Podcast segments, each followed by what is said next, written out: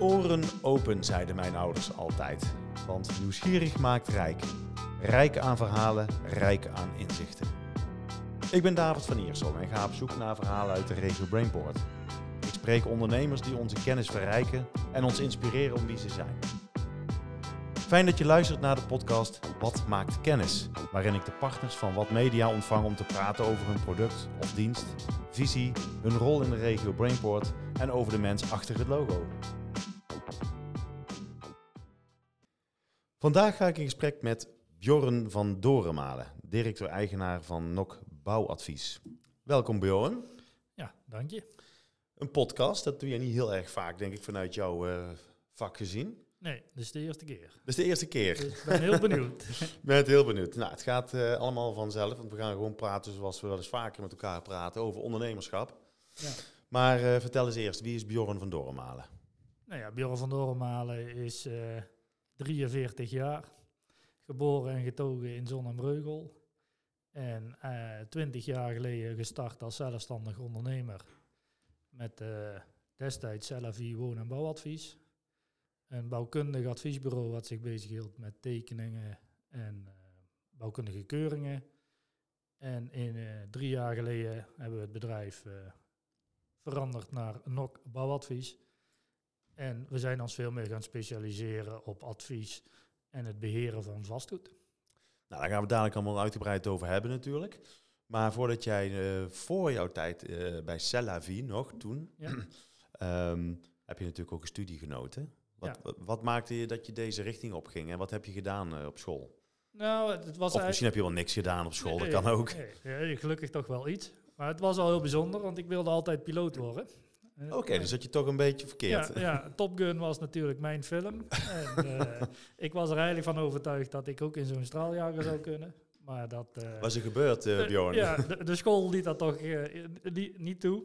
En na heel veel studiekeuzes, voorlichtingen, is het uiteindelijk bij bouwkunde gekomen. Mm -hmm. En eigenlijk nooit van bewust geweest dat ik ooit in de bouw zou gaan komen. Dat moet je even uitleggen, want eigenlijk deed je maar een beetje op de pof een, een, een, een, een opleiding. Nee, ik heb uh, uh, in al die tijd, uh, of na, me, na de MAVO ben ik naar de HAVO gegaan. En de HAVO werd geen succes. Werd al duidelijk na een half jaar, dus toen ben ik maar iets anders gaan oriënteren. -hmm. um, en daaruit, ik hou van sport, ik hou van techniek. En eigenlijk daar een beetje zoekende in geweest. -hmm. Maar ik ben niet iemand die uh, binnen kan zitten en ook niet iemand die uh, lang achter een uh, pc kan zitten. Ik moet erop uit kunnen, ik moet dingetjes kunnen doen. En na de zoveelste rondleiding op een open dag ben ik op het Technisch Lyceum Eindhoven, heette dat toen, op de Beukelaan zit dat, mm -hmm. op de Friedrichlaan. Daar ben ik terechtgekomen en de afdeling bouwkunde leek me op dat moment het leukste. Al was ik er in het begin niet van overtuigd. Want uh, het was vooral tekenen, tekenen en tekenen. En als ik iets uh, niet kan en geen zin in heb en niet leuk vind, is het tekenen. dus het eerste jaar was echt een serieuze uitdaging. Uh, maar na het tweede jaar mochten we stage gaan lopen. En toen ging ik stage lopen bij Woning, de woningbouwvereniging. Mm -hmm. Ja, en toen, toen wist ik, dit is mijn ding. Het uh, beheren, met mensen omgaan, mensen helpen als ze lekkages hebben, als ze problemen hebben, uh, plannen maken, projecten uitzoeken. Ja, dat, dat is mijn passie geworden. Toch proeven uit de praktijk en ja. dan ontdekken dat het dat is dus. Ja, ja. en ook helemaal niet wetende dat er dat was.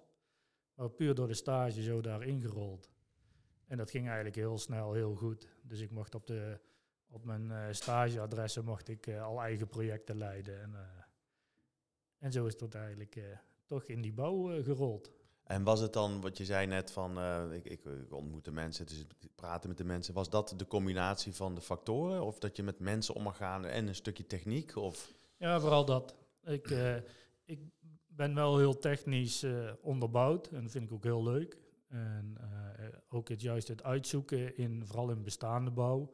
Um, uh, heel veel. Uh, ik heb altijd uh, de geschiedenis van de bouwkunde altijd heel interessant gevonden.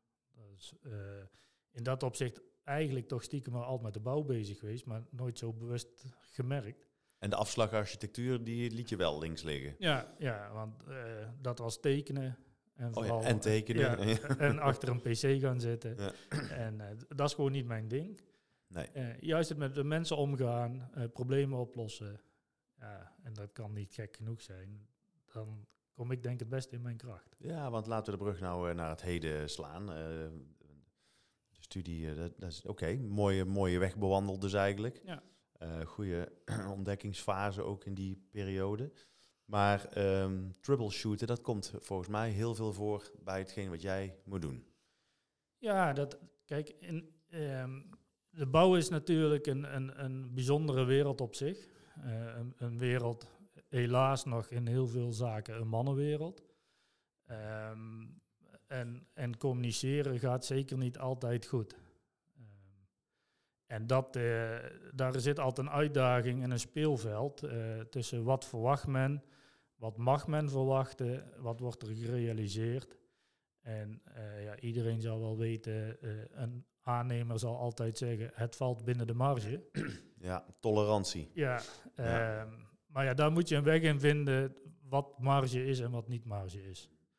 En eh, na mijn school heb ik twee jaar bij een bouwkundig adviesbureau gewerkt. Die deden eh, vastgoedbeheren voor ehm, gemeentelijke gebouwen. Mhm. En op die manier eh, werden er ook gewoon vraagstukken neergelegd. En eh, ga je met organisaties om tafel. En dan leer je ook dat eh, ja, de bouw is eigenlijk heel simpel, maar daardoor eh, ook weer uniek. Want eigenlijk werkt alles met een tekening en een bestek of een omschrijving.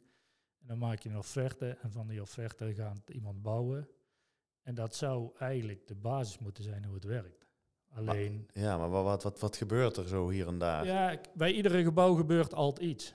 En eh, vooral met verbouwingen. Maar dat is ook, dat is ook eh, algemeen bekend, hè? Dat het gewoon, je weet altijd dat er iets gewoon anders loopt. Ja, ja nieuwbouw is, is eigenlijk redelijk standaard. Dat, dat is vooraf heel goed doordacht. En verbouwingen juist niet. En eh, wij hebben ons echt gespecialiseerd in verbouwingen. En in verbouwingen gebeuren altijd zaken die je van tevoren niet kunt eh, inschatten. Eh blijkt toch iets onder de grond te liggen. Verborgen gebreken. Ja, altijd de gekke dingen. Ehm, en een aannemer die walst altijd maar door, want die heeft het druk en die wil snel verder. En de opdrachtgever raakt in paniek, want die ziet, eh, oh, het gaat meer geld kosten. Herkenbaar, Bjorn. ja, want een aannemer kent alleen maar meer werk en minder werk is een altijd, altijd ondergeschoven iets. Mhm. En juist in dat eh, spanningsveld zien te opereren en het, de zaak zien te managen, dat, eh, ja, dat vind ik wel eh, een uitdaging. Mhm. Krijg je er ook energie van om dingen op te lossen daarmee, of niet? Ja, de, het kost veel energie. En af en toe denk je ook van, jongens, waar zijn we mee bezig? Maar uiteindelijk is altijd iedereen blij. En ik had laatst een opdrachtgever en dat, dat project was ook heel moeilijk verlopen. En die vroeg aan het eind van, Bjorn, wat voor cijfer zou je het willen geven? En toen zei ik heel voorzichtig, ik zou het een 6,5 geven. En toen zei ik, goh, dat vind ik jammer, want ik had het een 8,5 gegeven. Dus dan zie je dat de beleving van, van iedereen op dat moment toch anders is. Mooi, ja. Of mooi, typisch eigenlijk. Ja. Ja, je moet niet te lang in het negatieve blijven hangen. En dat, dat op het moment dat het gebeurt tijdens zo'n proces is het echt vervelend. En, en is het ook echt af en toe een serieuze uitdaging. Zit je met mensen om tafel met, met grote woorden en zelfs ooit met, met grote tranen. Maar uiteindelijk, als je ze een half, la- een half jaar later spreekt en ze zijn klaar, dan, dan is dat ook weer vergeten. Even iets terug naar, een- naar een opmerking die je net eh, maakte. Eh, je zei, ja, het is ook wel echt een typische mannenwereld. Eh, nou, ik denk dat we met z'n allen wel kunnen zien dat dat het geval is. Hè? Daar hoeven we geen hogere wiskunde voor te hebben gestudeerd. Maar wat maakt nou dat dat zo is? En bestaat er ook een eh, mogelijkheid om dat ongedaan te maken? Want ja, waarom niet wat meer vrouwelijkheid op de bouw? Nou, je ziet langzaamaan, de, langzaamaan zie je gelukkig wel wat meer vrouwen komen, maar die zitten wel vaak meer aan de zachtere kant van de bouw. Dus in de, in de voorbereiding, Mhm. eh, in de begeleiding van kopers. eh, architecten, interieurstylisten. Dat zie je wel steeds meer vrouwen zijn. Maar het echte uitvoerende, ja, dat is een uitzondering als je een vrouw ziet. Dat is heel jammer, maar dat, dat, op de een of andere manier vinden we dat toch minder, eh, minder goed. Eh, en vooral de oudere generatie op de bouwplaatsen. Ja, iedereen kent de bouwketen wel. Die vol hangen met posters en, en, en noem maar op. Dus het Ja. nodigt ook niet echt uit voor de vrouw. Ehm, dus je ziet wel steeds meer vrouwen in de bouw komen, maar die zitten wel meer aan de zachte kant, zou ik het Mhm. dan zo noemen. In de uitvoering ja, blijft het echt een mannenwereld. Ja. Op de een of andere manier lukt het ons niet om de vrouw eh, om het eh, op een bepaalde sexyheid te geven, dat het ook gewoon voor de vrouw meer interessant is. Ja, het vak bedoel je? Dat, ja. ja. dat het...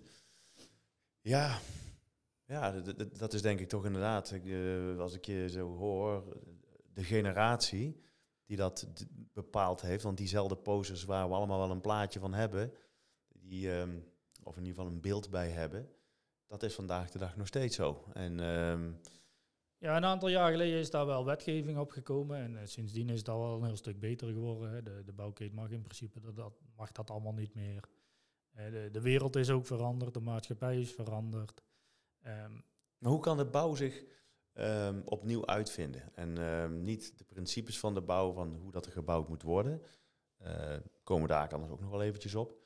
Maar hoe kunnen we zeggen van, eh, joh, laten we ook gewoon ehm, vernieuwen in dit soort processen.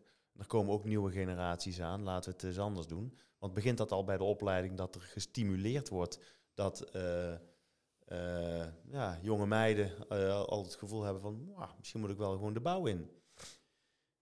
Nou ja, ik denk dat, dat er een heel groot imagoprobleem zit rondom de bouw. En dat begint al eigenlijk vanaf eh, eh, inderdaad de, de laagste opleidingen. Ehm, kijk, vroeger had je de LTS. En als je niet zo goed kon leren, of als je liever iets met je handen wilde doen, dan kon je gewoon naar de LTS. Dan werd je een vak geleerd en dan kon je iets met je handen. En dan, heel veel mensen die hebben zich zo langzaamaan opgewerkt tot een bepaald niveau. En tegenwoordig mag je ja, eigenlijk niet meer wat minder goed zijn op school. Daar hebben wij allerlei eh, opleidingen en bijscholingen bij om eh, mensen toch maar naar een hoger niveau eh, te trekken. En ik denk dat het daar mis is gegaan. Ja, terwijl je nou juist heel veel behoefte hebt aan handen voor de maakindustrie. In deze regio zeker. Nou, dat zie je nu. Hè. Je ziet nu dus gewoon de tegelzetter en de metselaar. Die vragen een uurtarief eh, tussen de 50 en 100 euro. Waarbij de echte grote, goede vakmensen, die, die zitten gewoon meer tegen de 100 euro. Ja, werk eens 40 uur in de week voor 100 euro. Mhm. Ik denk dat je dan een heel mooi inkomen hebt. Ehm, dat besef begint wel langzaam aan te komen. Los even van eh, het technische, wat meer de high-tech eh, in, in deze regio is. Ja, we hebben toch die schilder nodig. En we hebben toch de klusjesman nodig. En we hebben toch de tegelzetter nodig. En die moeten er wel zijn. En in 2011 is natuurlijk heel de bouw ingestort. Zijn er 160.000 mensen uit de bouw vertrokken. Daar zijn nooit teruggekomen. Er zijn er geen, geen tien van teruggekomen. Mhm. En eh, dat gaan we nu merken. En hoe kwam dat? Denk jij?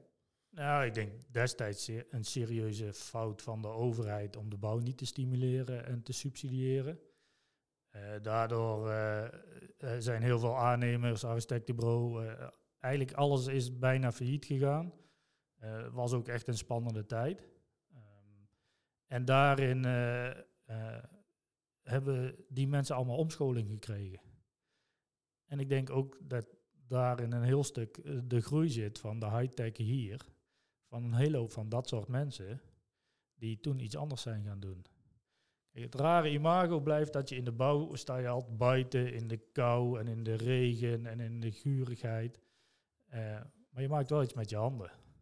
Dus je zegt eigenlijk de, de, de oude bouwvakkers van vroeger zijn nou eh, waarschijnlijk nu de, de makers in de maakindustrie van, eh, van nu.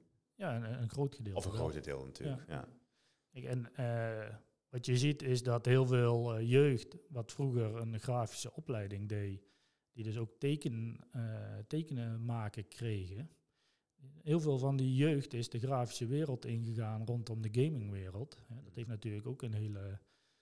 ehm, en iedereen heeft zich heel erg gaan oriënteren op nieuwe technieken en nieuwe, nieuwe werelden.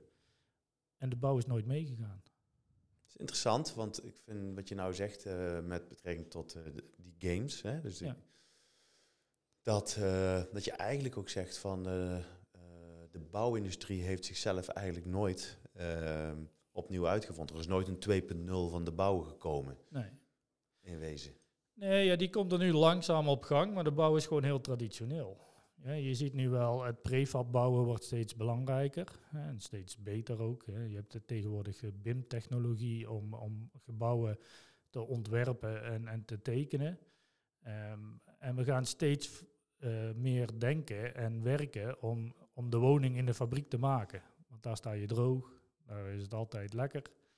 En ehm, dus de omslag komt. Eh, De bouw is heel traditioneel. Eh, wij bouwen eigenlijk nog gewoon hetzelfde als 200 jaar geleden. We staan nog steeds met mensen, gewoon met mensenhanden staan we stenen op elkaar te stapelen. Maar, maar daag jij jezelf bijvoorbeeld wel uit als je kijkt, want hier verderop, hier op Strijp S aan de overkant, eh, daar is een bedrijf begonnen eh, een paar jaar geleden die eh, st- bouwstenen 3D printen. Ehm, dat soort nieuwe vormen, zijn dat dingen waar jij ook wel naar kijkt om eh, ja, mee Ja. te gaan in die ontwikkeling? Ja, wij zijn nu bezig met, met een, met een nieuwbouwprojectje. en eh, en eh, daarin kiezen wij ook voor montagebouw. Mhm. staalconstructie, eh, wat heel snel staat. werken met geïsoleerde sandwichpanelen. Dus bouwtijdverkorting, snel bouwen en minder mensen. Want er zijn gewoon geen mensen. En dat, dat zal nu, hè, dat is het nu al, maar dat zal de komende jaren de grootste uitdaging zijn, zeker in de bouw. Dus we zullen wel moeten. Hè. Producten zijn niet te leveren. eh, maar waarom gaan we niet eens afstappen van het ouderwetse traditionele bouwen. Wat zou daarvoor moeten komen, eh, of wat, wat zou erbij moeten komen kijken om dat voor elkaar te krijgen? Nou, je ziet nu met de energietransitie, die natuurlijk een serieuze rol speelt in, op dit moment in de bouwwereld, zie je dat we eh, ja, eh, slimmer gaan bouwen. Maar eh, toen ik in 2000 afstudeerde, hadden we het ook al over slimmer bouwen. Dus hoeveel slimmer zijn we inmiddels gaan bouwen? Ehm, En hoeveel slimmer zijn we geworden? Ja, Huh? ja, ik denk dat er wel eh, vrij snel, en dat zie je hier op Strijpes gebeuren, en dat, dat, dat zie je eigenlijk overal in de regio, eh, eh, eenheidsworst en prefab. En dat, is, dat klinkt saai, eh, maar dat is de enige manier. Is dat de armoede van de bouw? Ja. Het is moeilijk om daarin te vernieuwen. Kijk, we zitten nu met heel die stikstofvraagstukken in de bouw. Mhm. Eh, nu gaan we weer terug naar hout. Ja, is bijzonder natuurlijk dat we nu weer terug gaan naar hout. We worden ons bewuster van het klimaat. Ja, Dus, eh, ja maar waar, eh, kijk, we hebben jarenlang alles maar in beton gestampt. Want dat was snel. Ja, beton maken kost superveel energie. En daar moeten we nu juist weer vanaf. Dus het is een heel, eh, eigenlijk is het een heel rare, eh, rare situatie dat de bouw gewoon zichzelf niet heeft kunnen vernieuwen. nee. Ehm, vernieuwen. Je had het over Cellavi. Ja. En Cellavi is sinds, eh, wat je zei net in je introductie, drie jaar geleden omgeturnd tot NOC bouwadvies. Ehm, waar staat NOC voor? NOC staat voor neutraal, open en kundig. En eh, dat is de manier hoe wij willen werken. Eh, wij zijn heel open, transparant. Eh, dat, is- dat is de N. De O is voor open. What you see is what you get. We hebben een hekel aan opsmuk en dikdoenerij. Dus met wie ik ook om tafel zit, er is maar één Bjorn en daar zit je mee om tafel.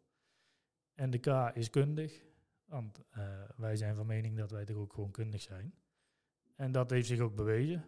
En eh, het marketingbureau heeft er natuurlijk nog allerlei andere varianten op eh, bedacht. eh, alles onder één dak. Hè. En de bovenkant van het dak heet een nok. Ja. Dus die, die kun je ook invullen. Maar ik vind neutraal, open en kundig vind ik, het best bij ons passen. Nou ja, goed. En als ik dan wat magazine opensla, je bent partner van, van 24 uur een bedrijf en van wat media.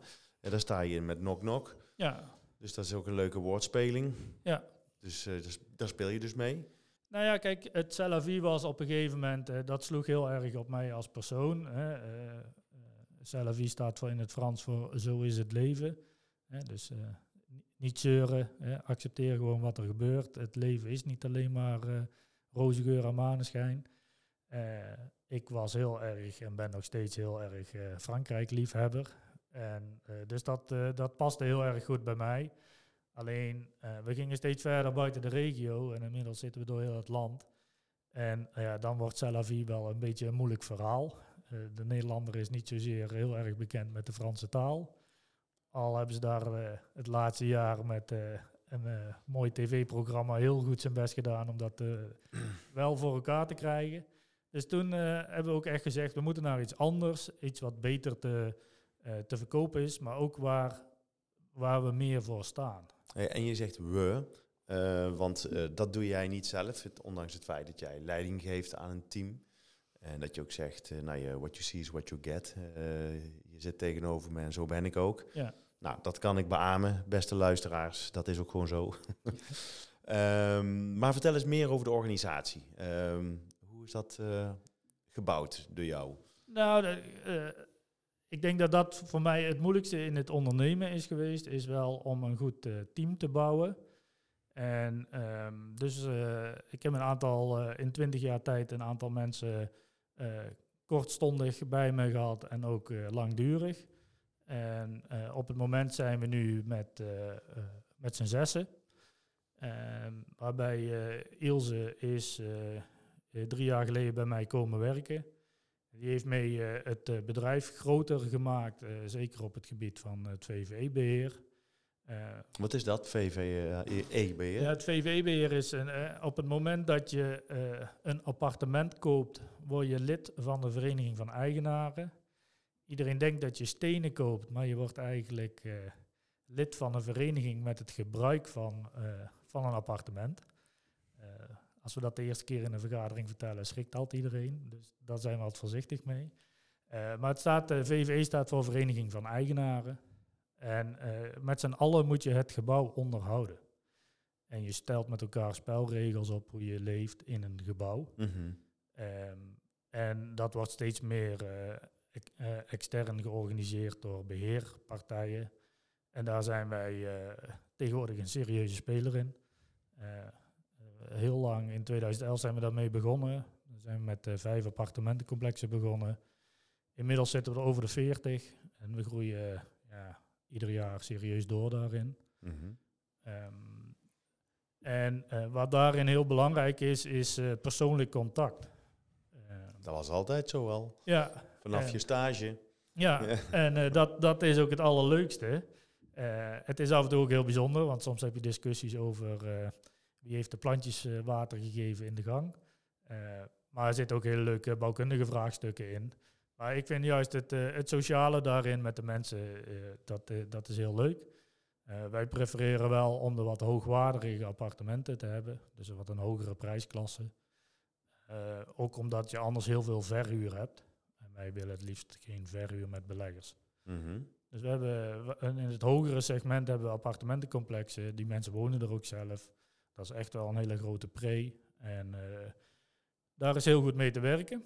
En uh, momenteel hebben we drie jonge dames de, bij ons werken op kantoor. Toch vrouwelijkheid, heel goed Bjorn. Ja, ja, ik dacht dan uh, ga ik er maar mee beginnen met die vrouwen. heel goed. Dus, nee, we hebben drie hele leuke, jonge, frisse meiden die ehm, het als een, ja, een bijbaan zou ik het niet zozeer noemen, maar die doen het naast hun studie.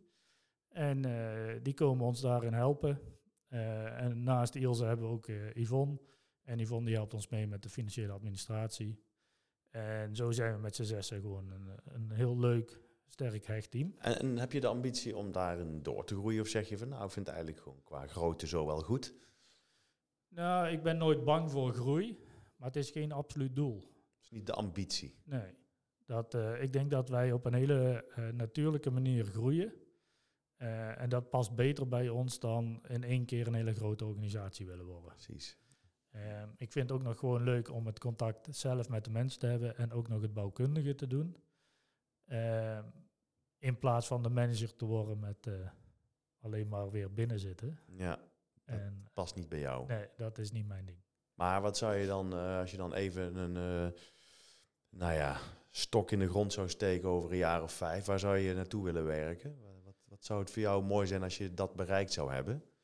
Nou, ik, eh, ik heb altijd gezegd, als we met z'n vijven zijn, dan verkoop ik het. Maar inmiddels zijn we met z'n zessen, dus Ja. dat, eh, eh, en dat gaat niet gebeuren. Nee, ik denk dat wij...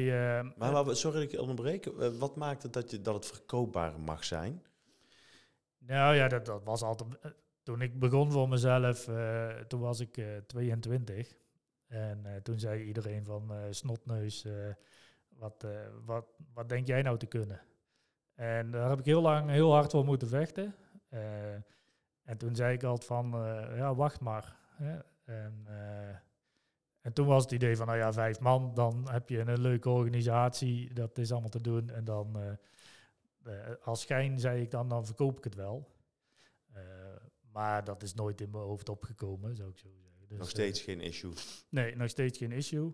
En eh, dat zal voorlopig ook niet gebeuren. Ehm, we willen groeien op een normale manier. Eh, dus we gaan geen overnames doen of dat soort eh, rare dingen. In mijn, in mijn visie daarin, zou ik zo zeggen. Mhm. Ehm, maar het persoonlijke blijft wel belangrijk. En dat kan toch zijn dat we misschien over twee, drie jaar tien man in dienst hebben en dan toch wat groter zijn. Maar dat, daar, daar zijn we niet op aan het sturen. Maar ja, dat vraagt wel iets voor jou, toch? Dan, zo'n verandering. Ja, nou, de- ik denk dat eh, eh, Ilse is sinds 1 januari eh, partner geworden binnen het bedrijf. En ehm, zij is veel beter met de mensen op kantoor. Daar zit haar kracht ook veel meer in. Dus ik denk dat dat ook elkaar goed aanvult. Jij bent de man in het veld. Ja, Ja. eh, eh, eh, buiten de moeilijkere discussies, het moeilijkere advieswerk, dan, dan ben ik er en ik sta voor iedereen. Dat heb ik altijd gedaan en da- dat blijf ik ook doen. Maar ik ben niet de persoon om lang geduldig met mensen te gaan zitten om ze te, in te leren. Jij wil gewoon wat meer dynamiek, zeg maar. Ja, ik ben iets meer van snelle stappen. Precies. Nou, en ehm, ik zei eh, net de, toekomst, en daar gaan we ook nou zo dadelijk mee eindigen. Eh, nog een keer toekomst. Wat is er met jou veranderd over vijf jaar? Wat hoop je voor jezelf? Wat, eh, waar hoop je jezelf nog in te ontwikkelen? Nou, ik, waar waar we wat ik het laatste twee jaar wel een beetje merk, is, is dat ik wat meer naar de, de grotere adviesvraagstukken wil, in plaats van het kleinschalige. Ehm, we hadden laatst iemand die belde van, ja, goh, ik heb schimmel in mijn badkamer, kun je komen kijken? Ja, dat soort... Is oude, dus volgens mij is dat een oude versiertruc, eh Bjorn. ja, dat zou ook nog zomaar kunnen. Maar, maar dat soort kleine klussen, dat, eh, daar zijn we mee begonnen. Daar zijn we ook wel groot mee geworden. En eh, nee zeggen is niet het, eh, het makkelijkste. Dus we, we helpen ze wel, maar dan niet meer eh, eh, ja, op een andere manier. eh, Zou ik het dan zo zeggen. Ehm, maar als, eh, ik denk dat ik als persoon wel eh, rustiger ben geworden. Eh, en eigenlijk heb- heeft dat vooral te maken dat een paar jaar geleden voor de corona riep iedereen je moet groeien, groeien, groeien. Daar heb ik ooit een reclamebureau voor ingehuurd. En daar werd ik heel ongelukkig van. We doen nu niks aan acquisitie en we groeien ontzettend hard. En ik denk door gewoon goed te werken en goed te presteren, groei je vanzelf. Organisch dus. Ja. ja, ja. En eh, als mens groei ik daar ook meer mee in. Mooi. Learning by doing, dus Ja. eigenlijk. Ja, ik ben niet van de cursussen en alle dat- opleidingstechnieken en gewoon de- de- In de praktijk. In de praktijk, ja. Heel mooi. Nou, hey, tot slot, eh, wat maakt nog eh, nou anders dan vergelijkbare bedrijven in het veld? Kort antwoord, eindigen we mee. Wat maakt jullie zo bijzonder? Het persoonlijke. Dat, dat maakt ons bijzonder. Eh, we hebben software waar we mee werken, daar werken iedereen mee. Dus, Dus daar, daar zit daar geen zit onderscheid het, daar in. zit het onderscheid niet in. Nee, precies. Gewoon eh, de persoon met wie je aan tafel zit. Dat, dat, is het, dat is het enige wat bij ons het verschil is. Jorren, mag ik jou danken voor dit gesprek. Het is al omgegaan, uh, Ja. dat half uur. Dat is gewoon omgevlogen, toch? Tijd vliegt. Dat zei ik je toch al? Ja. Tot zover deze aflevering van Wat maakt kennis. Dank voor het luisteren. Blijf ons volgen op LinkedIn en Instagram en deel vooral je luisterervaring, zodat ook jij anderen inspireert.